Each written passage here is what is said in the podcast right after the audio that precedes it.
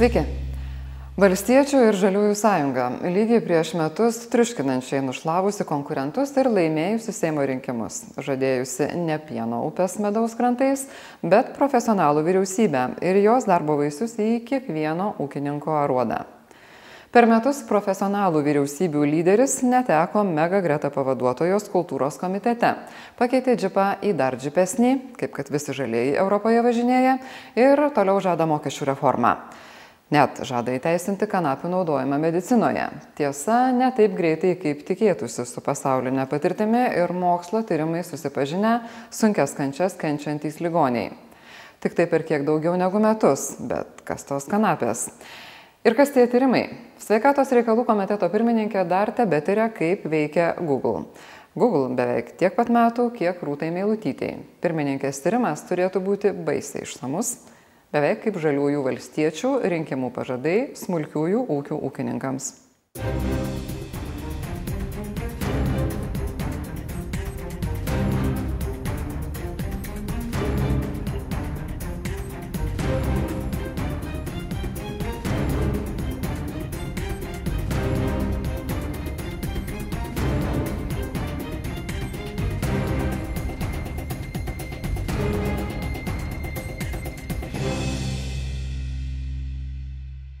Skatindami kooperaciją ir inovaciją žemės ūkyje padidinsime jo konkurencingumą.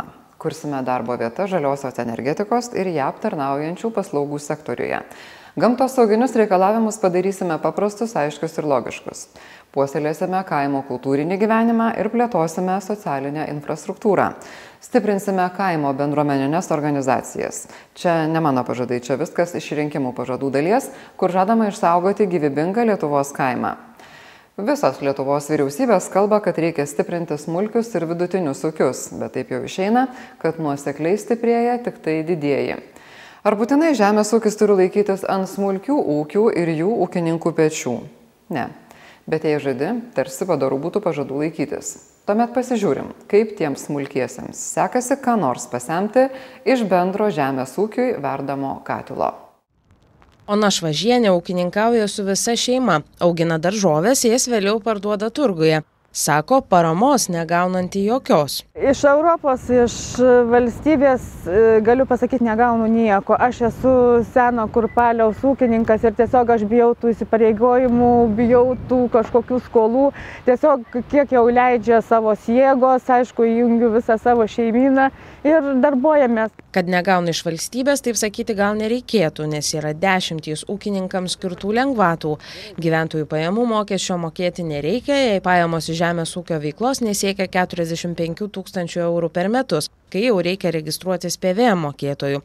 O ir tada reiktų mokėti 5 procentus mokesčių, o ne 15, kiek moka visi kiti darbuotojai. Ir taip toliau ir panašiai.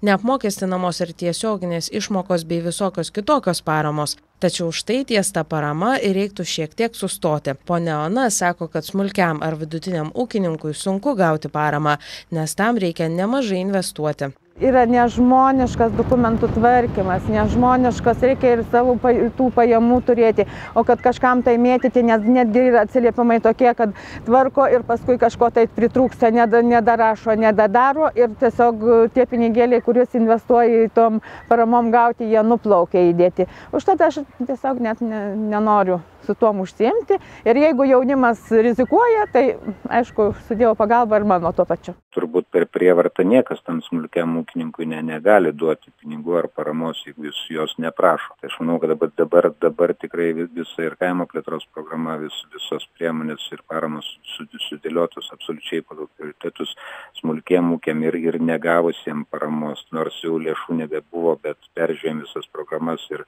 ir surankėm dar, dar visu, visas galimas lėšas. Kad toliau plėstis, tai iš tikrųjų reikia daug turėti investicijų, kad ir tai pačiai paramai gauti reikia turėti vos ne pusę tiek, kiek gauni, nes tokie reikalavimai, plus dar turisi reikalavimai yra, kad išlaikytų ūkį. Pirminiam tiem visiems projektų sudarimai, kaip ir dažniausiai tos konsultavimo tarnybos įma už tų dokumentų tvarkymą, už sutarčių visų su jais pasirašymą, įma avansą ir tada rengia jau tos projektus. Tie projektai kainuoja ten įvairiai nuo 800 eurų ir nesvarbu, ar jos laimi ar pralaimi, nu, ta prasme, gauni paramą ar negauni, jos susimokė, jų tų pinigų nieks negražina. Tos pačios paramos yra iš tikrųjų ne, labai nedideli dokumentų tvarkymai. Tvarkom, tvarkėm apie metus pusantrų metų ir plus dar toliau tuos penkis metus kiekvieną mėnesį mes turim prisiduoti visą buhalteriją sutvarkyti, mokesčius mokėti. Ir nu, negana taip, kad mes turim dar žmonėms sumokėti. Tad štai čia ir išlenda, kaip ir kitose srityse, didžiųjų pergalė prieš smulkiuosius.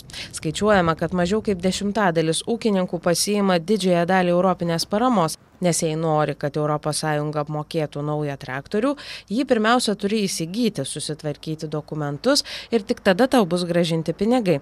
Tad tam, kad gautum pinigų, turi turėti pinigų smulkieji sako sunkiai sukrapštantys ir naujiems žemės plotams ypač kai įsigaliojo žemės konsolidavimo įstatymas ir kartais norėdamas nusipirkti mažą sklypelį kuris tau įkandamas turėsi susipirkti ir šalia esančius. O čia jau suma šokteli į padebesius ir tenka sakyti ačiū nereikia. O ir tas nuolat kartojamas stiprinsime smulkiuosius ir vidutinius ūkius teko girdėti, kad buvo laida ir, ir atseit, bus skiriama ūkininkam, gal tiem smulkiesiam, vidutiniokam, apie ten, vienu žodžiu, nemaža suma, bet mūsų valstybės, e, kaip pasakyti, pareigūnas tenai, ar kaip jį pavadinti, tokį klausimėlį vieną pasakė, bet jiem ne viskas teks.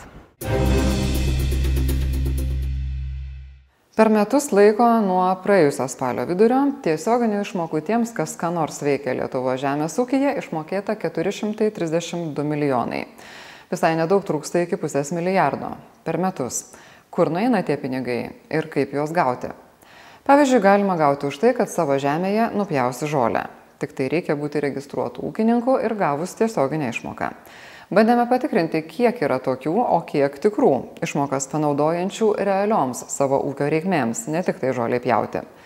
Nepavyko, nes tokių duomenų niekas nerenka ir neanalizuoja. Reiktų tai rautis jau kiekvieno ūkininko.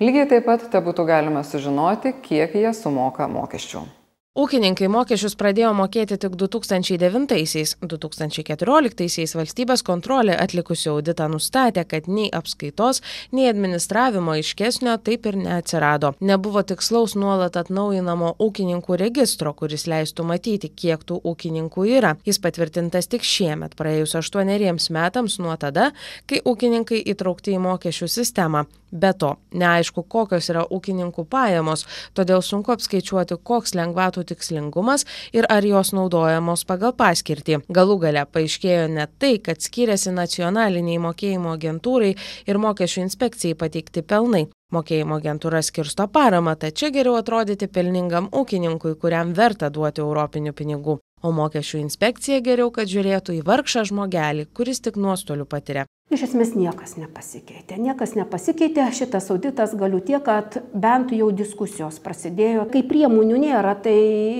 ir aš puikiai mokėdama žinau kad nesutikrins mano parduodamas kaip sakant morkas ar ar dar kitą mano produkciją tai apie tai tikrai reikia pagalvoti. Įvedant bet kokius mokesčius reikia pagalvoti ir apie jų administravimą truputį turėtų padėti šiemet priimti du nauji įstatymai žemės ūkio bendrovių registro įstatymas ir kooperatinių kooper žemės ūkio kooperatyvų registras. Ir ir bus aišku gerokai lengviau kontroliuoti tame tarpe kalbant ir apie mokesčius. Ar mes galime įvertinti kiek pajamų mokesčio nesumoka ūkininkai?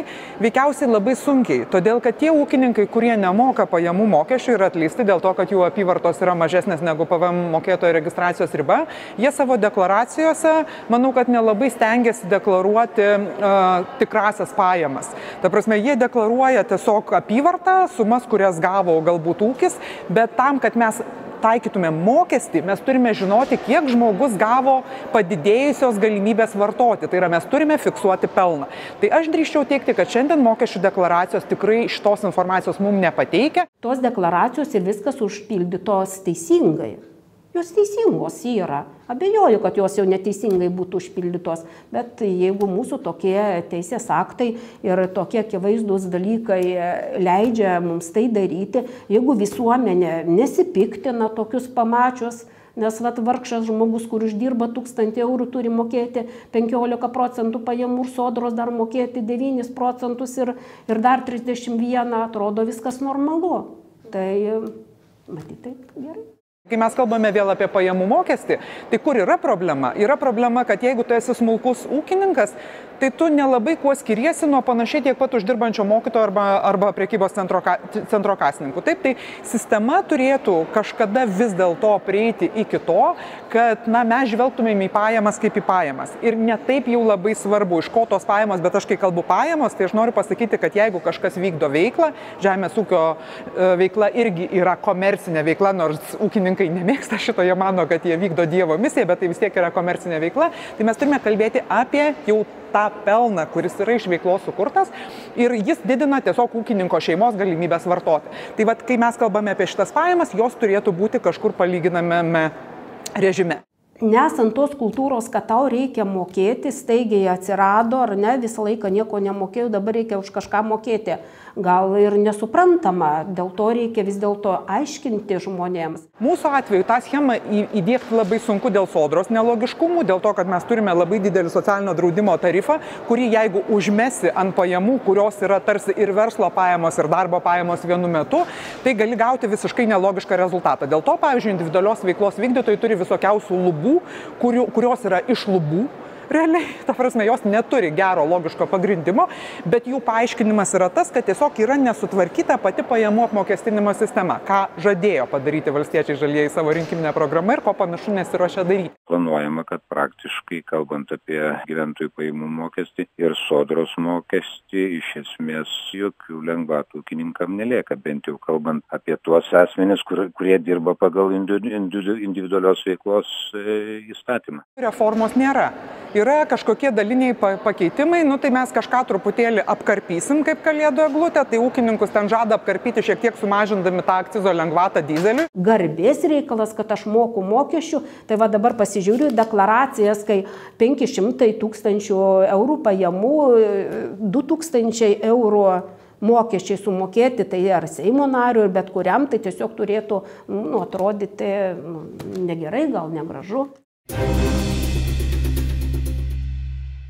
Dar vienas kūno niekaip neįgaunantis valstiečių ir žaliųjų pažadas ir konstitucinis įsipareigojimas - Seimo narių teisų, pareigų ir veiklos garantijų įstatymo pavydalu kad Seimo nariai nebebus ūkininkai. Ne tokie, kurie po palangę užsiaugina morką su krapu, bet tokie, kuriems ūkininkavimas yra tapęs komercinė veikla.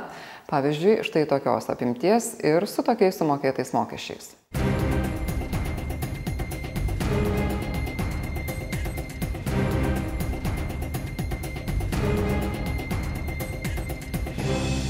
Mes sumokam milžiniškus pinigus. Visa aptarnaujanti pramonė žemės ūkė sumoka 15 procentų pajamų mokestį. Tai yra milžininkos lėšos ir šito vėlgi niekas nesako.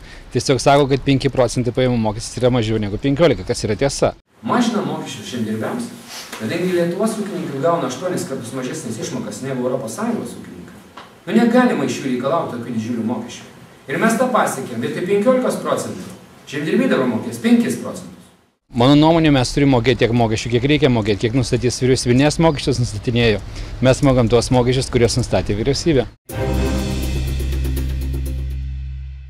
Per metus valdžioje savo mažai reikalingi dalykai taip lengvai nepasidaro. Kaimo reikalų komiteto pirmininkas Andrėjus Stančikas per metus nurodo gaunantis beveik 100 tūkstančių, o pajamų mokesčių sumokėjo 4 tūkstančius. Galim lažintis, kad dauguma jūsų sumokėjote daugiau. Jam baisiai būtų tikęs klausimas, ar tai yra baisiai socialiai teisinga. Visai ketinau užduoti tą klausimą, nes interviu su komiteto pirmininku buvo sutarta štai čia ir štai šią minutę.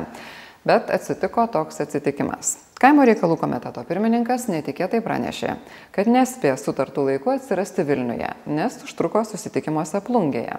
Koks sutapimas? Penktadienį vakare, toje pat plungėje, kurios rajone gyvena ir iš kurio žadėjo pas mane sugrįžti. Gautumėt kitą kartą. Iki.